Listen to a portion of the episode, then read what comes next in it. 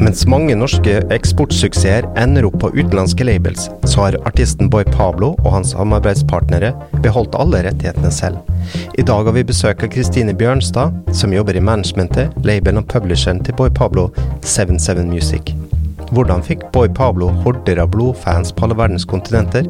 Og er det i 2022 mulig for nye norske artister å reprodusere denne suksessen? Denne episoden av The Music Manager er sponset av NLA Staffels gate, Norges ledende rytmiske musikkutdannelse, som ligger midt i Oslo og tilbyr bachelor, master og årsstudier i rytmisk musikk. Les mer på nla.no slash musikk. The Music Manager er en del av Music Norways eksportpodden, og mitt navn er Vegard Vaske. Da ønsker vi velkommen til Kristine Bjørnstad. Um, Først og fremst, Kristine, uh, hvordan kom det til at dere begynte å jobbe med Boy Pablo?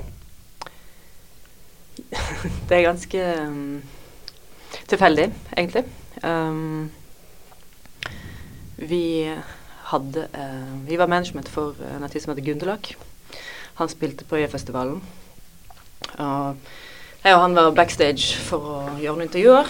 Og så fikk vi en telefon fra, fra scenen der han nettopp hadde spilt, om at uh, sjåføren til Gunderlach var full. Og, så da måtte jeg løse det problemet. Jeg sto jo der med en øl i hånden sjøl.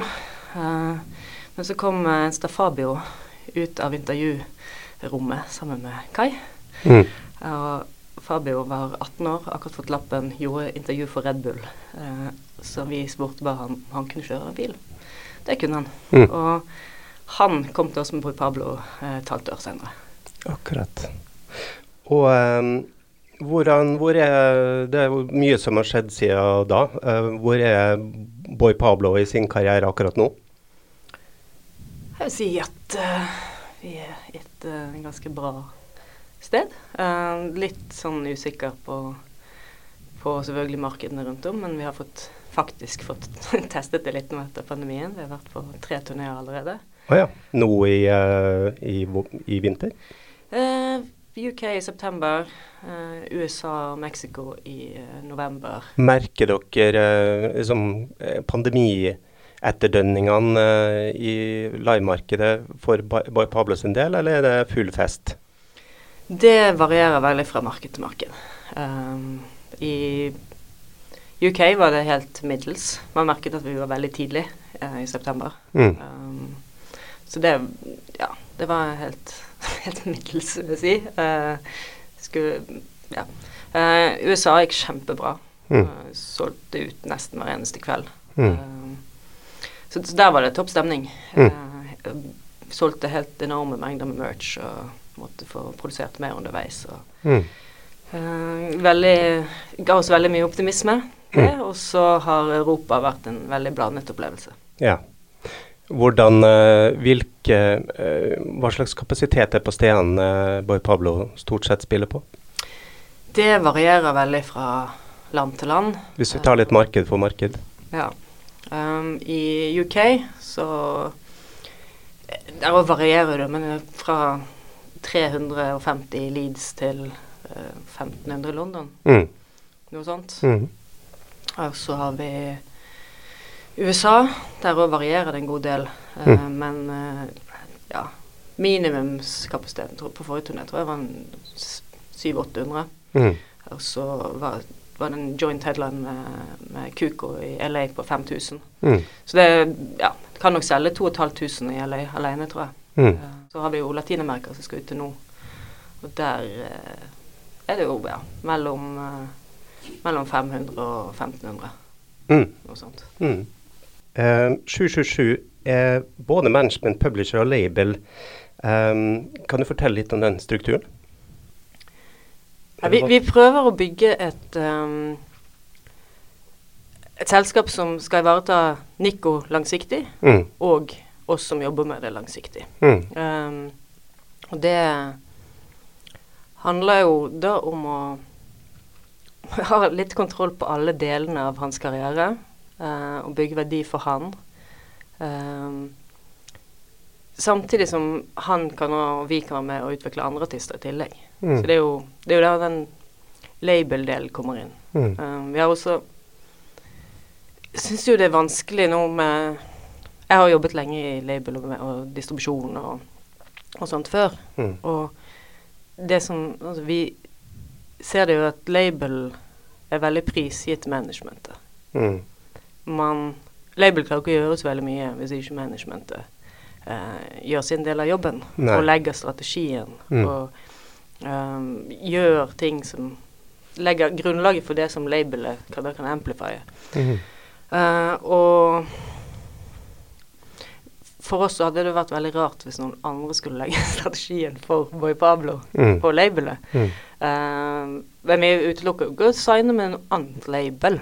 Nei. Um, Nei, for eh, det er andre gjester som har snakka om det der, at, eh, at er rett og slett eh, hvor mye A&R-labelene er i stand til å gjøre nå, er mm, til dels begrensa. mm. hva tenker du rundt det? Jeg tror eh, det er veldig forskjellig. Mm. Altså, noen er hands on, noen ikke. Mm. Um, vi har jo ikke jobbet med så veldig mange andre labels enn de labelene vi har jobbet med sjø i sjøl. Mm. Um,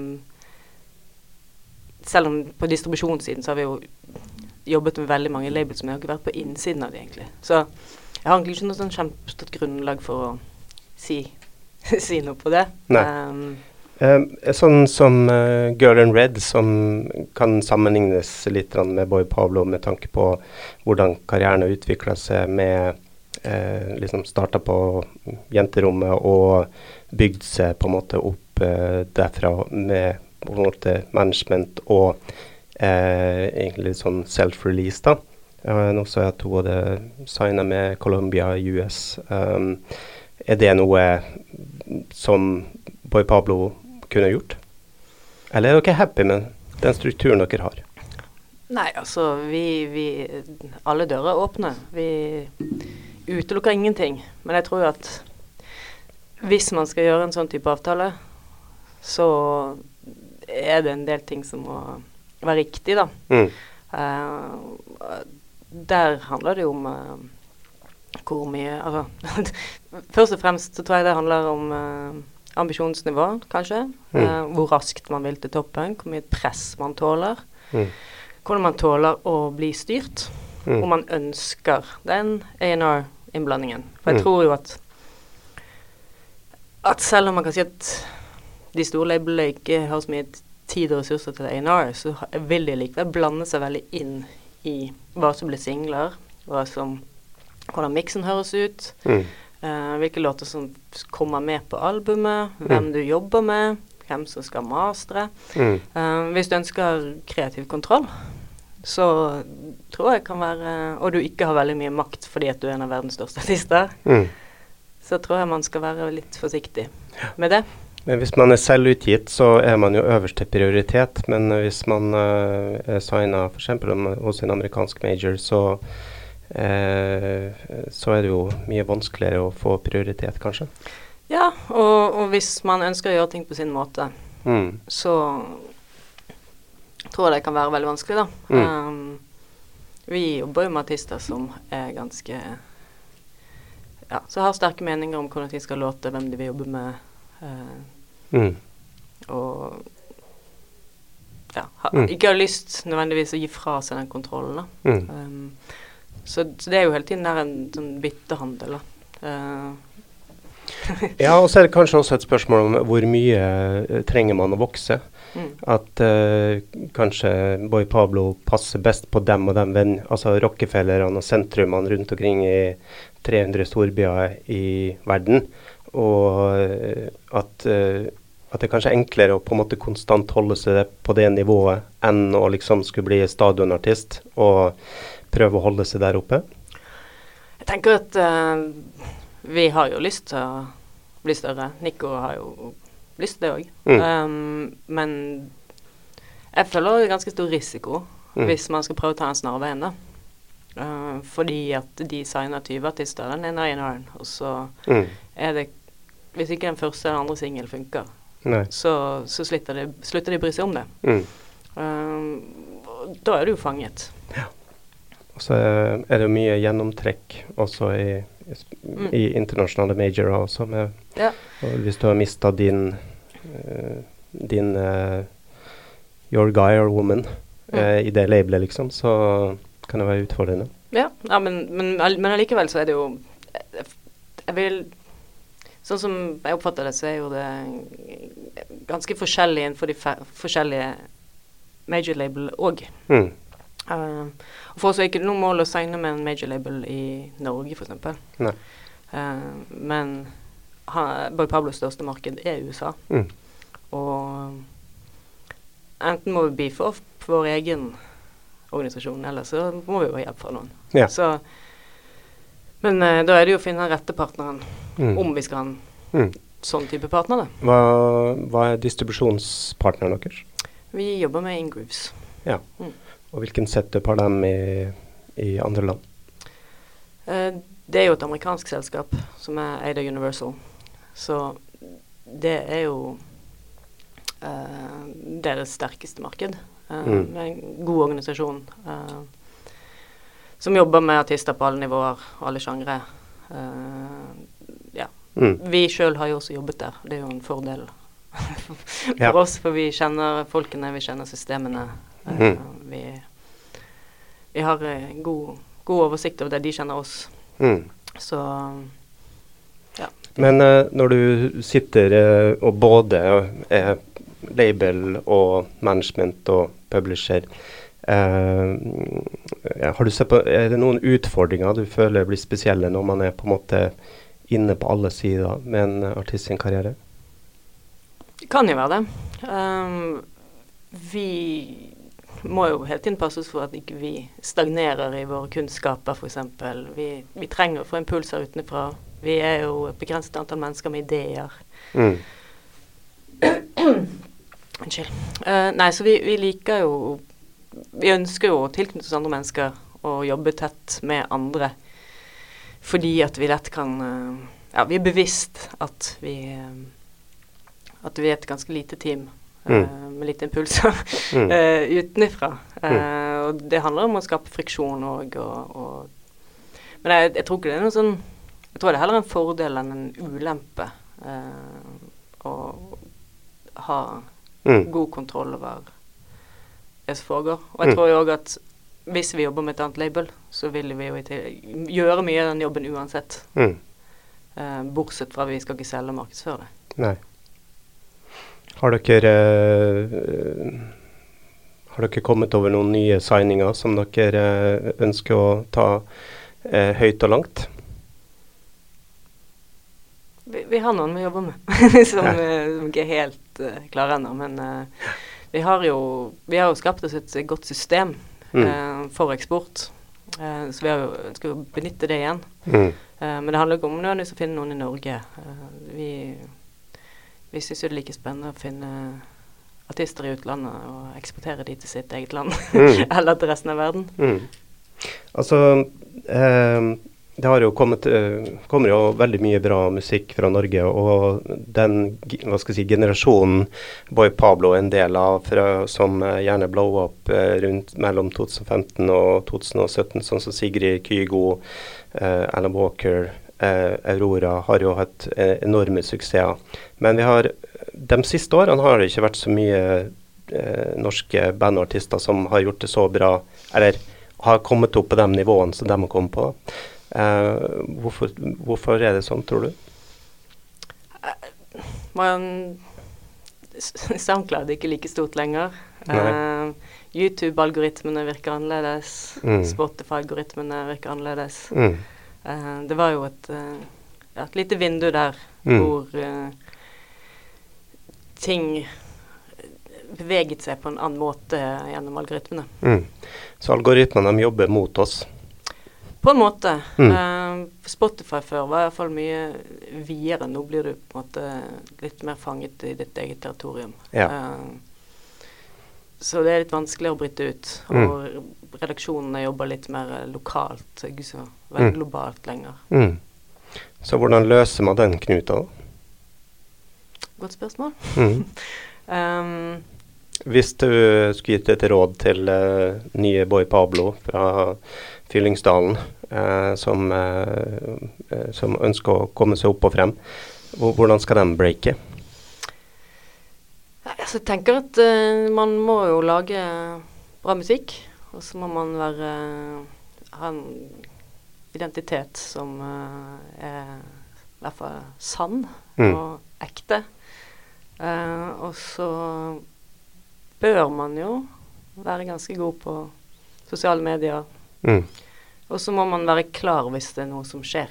Hvis Mm. man har den, det flaksøyeblikket. Og det, det er jo alle de artistene som du listet opp der nå, er jo folk som har eh, greid å utnytte flaksen. Mm. Uh, ikke alle de var et resultat av en viral hit, men, men for oss så var det jo veldig bra at vi fikk den YouTube-virale hiten. Mm. Men det er jo det som skjedde etterpå, som gjør at Boy Pablo er der han er i dag. Mm. Uh, det kunne jo fort bare rent ut i sanden. Mm. Ja, for han hadde et arsenal av uh, bra låter som han kunne fortsette å rulle ut. Uh, gikk rett i studio, gikk rett på turné, Uh, lagde musikkvideoer. Uh, spilte utrolig mye live. Mm. Og eh, spilte ikke bare live, men gikk også ut etter hver eneste konsert. Mm. Og snakket med fansen i to timer etterpå. Tok bilde med alle som ville. Mm. Det, er liksom en kombo av den, her, av den nye, moderne måten å markedsføre det på, Mm. med god gammeldags uh, møte fansen i virkelig liv. Mm. Uh, tok sjansen på å reise ut tidlig. Mm. Var europaturné med en gang, USA-turné med en gang. Mm. Så under et år etter at uh, etter at uh, den virale hiten skjedde, så hadde han vært uh, på turné på to kontinenter og, vært, og på vei til Asia. Mm. Og så må man være førersetet i sin egen karriere. Absolutt. Man kan ikke sitte og vente på at uh, noen andre skal gjøre noe for det, egentlig. Nei.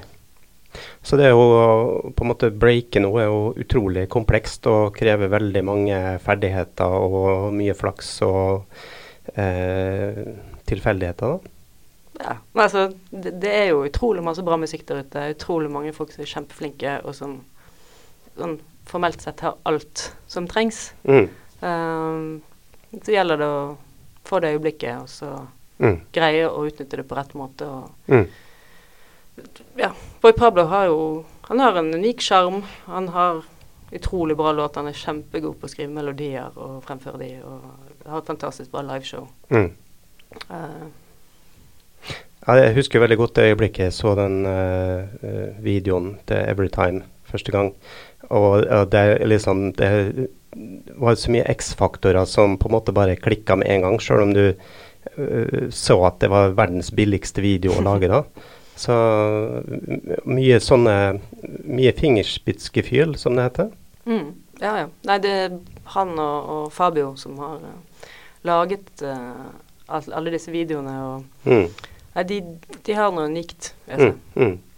Nå, eh, Vi lista jo litt opp av de her eh, 2016-generasjonene, eller hva vi skal kalle dem. Og majoriteten av dem er jo, eh, er jo opprinnelig fra Bergen. Og du har jo kli- klirrende bergensdialekt sjøl, men hva er det Hvorfor eh, har det kommet flere Eller har du noen teori om hvorfor det har kommet flere eksportsuksesser fra eh, Bergen enn fra Oslo?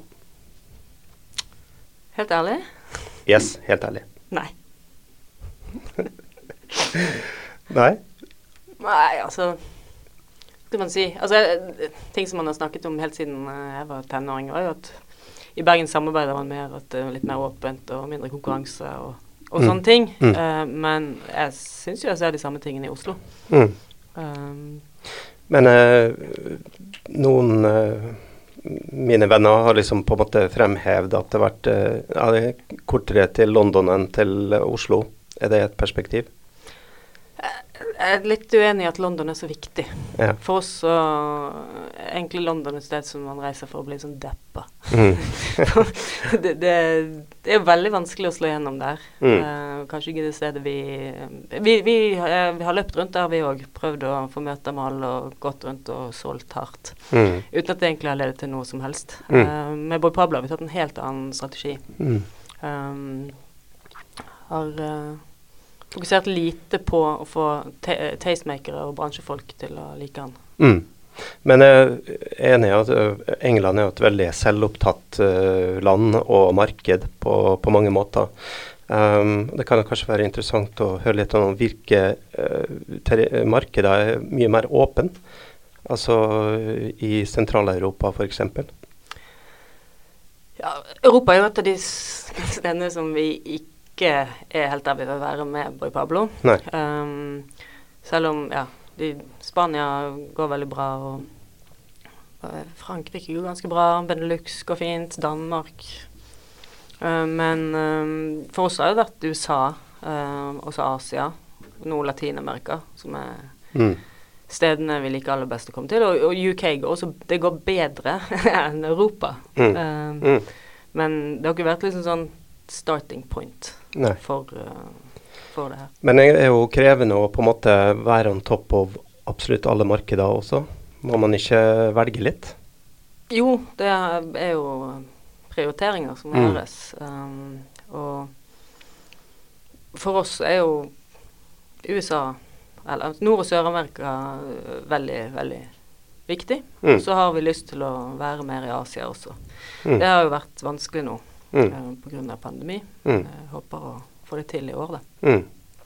Eh, Snakk om pandemi. Eh, altså, det virker jo som livebransjen er i ferd med å våkne opp igjen. Og jeg merker at min dag, hverdag fylles mer og mer av liksom snakke med bookingagenter og live cruise og sånn. Um, og det er både deilig og stressende. Men eh, tror du er liksom normalen eh, foran oss eh, nå fremover, eller eh, kommer det til å bli mye hiccups og utfordringer? Jeg tror eh, det kommer til å være veldig territorieavhengig. Mm. Um, Norge er jo helt umulig å selge billetter i nå, For, ja. Eksempel, for, for mange. Det virker jo nesten litt sånn tilfeldig hvem som selger billetter, hvem som ikke gjør det. Mm. Um, og sånn tenker jeg det kan være til å være i Europa kanskje òg, og mm. deler av Asia. Mm. Uh, mens USA virker veldig safe for vår del. Uh, yeah. Ikke noen kjempestor risiko uh, booke turné i USA nå. Mm. Nei, sant. Men jeg hører fra kollegaer i livebransjen at uh, alt har blitt uh, dyrere med tanke på turnering, altså flybilletter, crew, utstyr, hoteller etc. Men uh, honorarene har ikke nødvendigvis fulgt denne inflasjonen. og Uh, publikum er ikke tilbake i like stor grad ennå. Um, ser dere mye til også sånn utfordringer med økte utgifter? Det har vært ganske dyrt uh, de, de, siste turene. Det har mm. det. Jeg mm. håper at det bare har med at det har vært lite flighter tilgjengelig og den type ting. Mm. Um, og at det bedrer seg nå mm. fremover, mm. troen på. Um, men ja, crew er dyrere og ja. Uh, ja. Mm. Og de, turné, de, de, honorarene vi har turnert på, har jo vært uh, honorarer for flere år tilbake. Som mm. har blitt utsatt og utsatt, så Ikke sant. Jeg ser at uh, Boy Pablo skal til uh, Latin-Amerika snart og bl.a. spille i Peru. Der jeg leste forleden at det var uh, port, nei, sånn curfew i, i Lima. Uh, og det er også mye utfordringer for livebransjen med ja, alt fra mangel på PA-utstyr og uh, mangel på sjåfører etc. Et må man, er det veldig mye sånn her ta ting fra dag til dag og løse problemene nå? Jeg, visste ikke om det med Lima, men vi jeg, jeg, har ikke hørt noen problemer, om noen problemer fra noen av mm uh, promoterne. Mm. Så jeg tror alt skal være good. Uh, vi uh, Satser på det. min kollega Steban er på den peruvianske ambassaden i dag, faktisk, med passene. Så ja. um, jeg, tror, jeg, tror, det skal jo greit. Det er følelsen av at um, folk er motiverte og klare for konserter i mm. Latin-Amerika nå. Det er bra. Eh, du har jo jobba med distribusjon i mange år. og Hvordan ser du for deg markedet kommer til å se ut om fem år? Er Spotify fortsatt den dominerende aktøren, eller eh, vil det endre seg? Det der er et vanskelig spørsmål. og eh, Jeg er ikke så veldig Jeg har ikke tenkt så mye over akkurat det. Mm. Vi, vi, liker å tilpasse oss etter hvert som markedene endrer seg. Mm. Um, men jeg tror nok Spotify eller noe lignende kommer til å være dominerende. Mm. Um, jeg tror ikke det kommer til å være noe sånn mm. total paradigmeskifte i Nei. hvordan musikk distribueres og høres på. Jeg leste at uh, CD-salget i USA hadde gått opp nå over uh, 20% i fjor. Uh, hvordan ser, du, ser, du på det fysiske markedet de neste årene?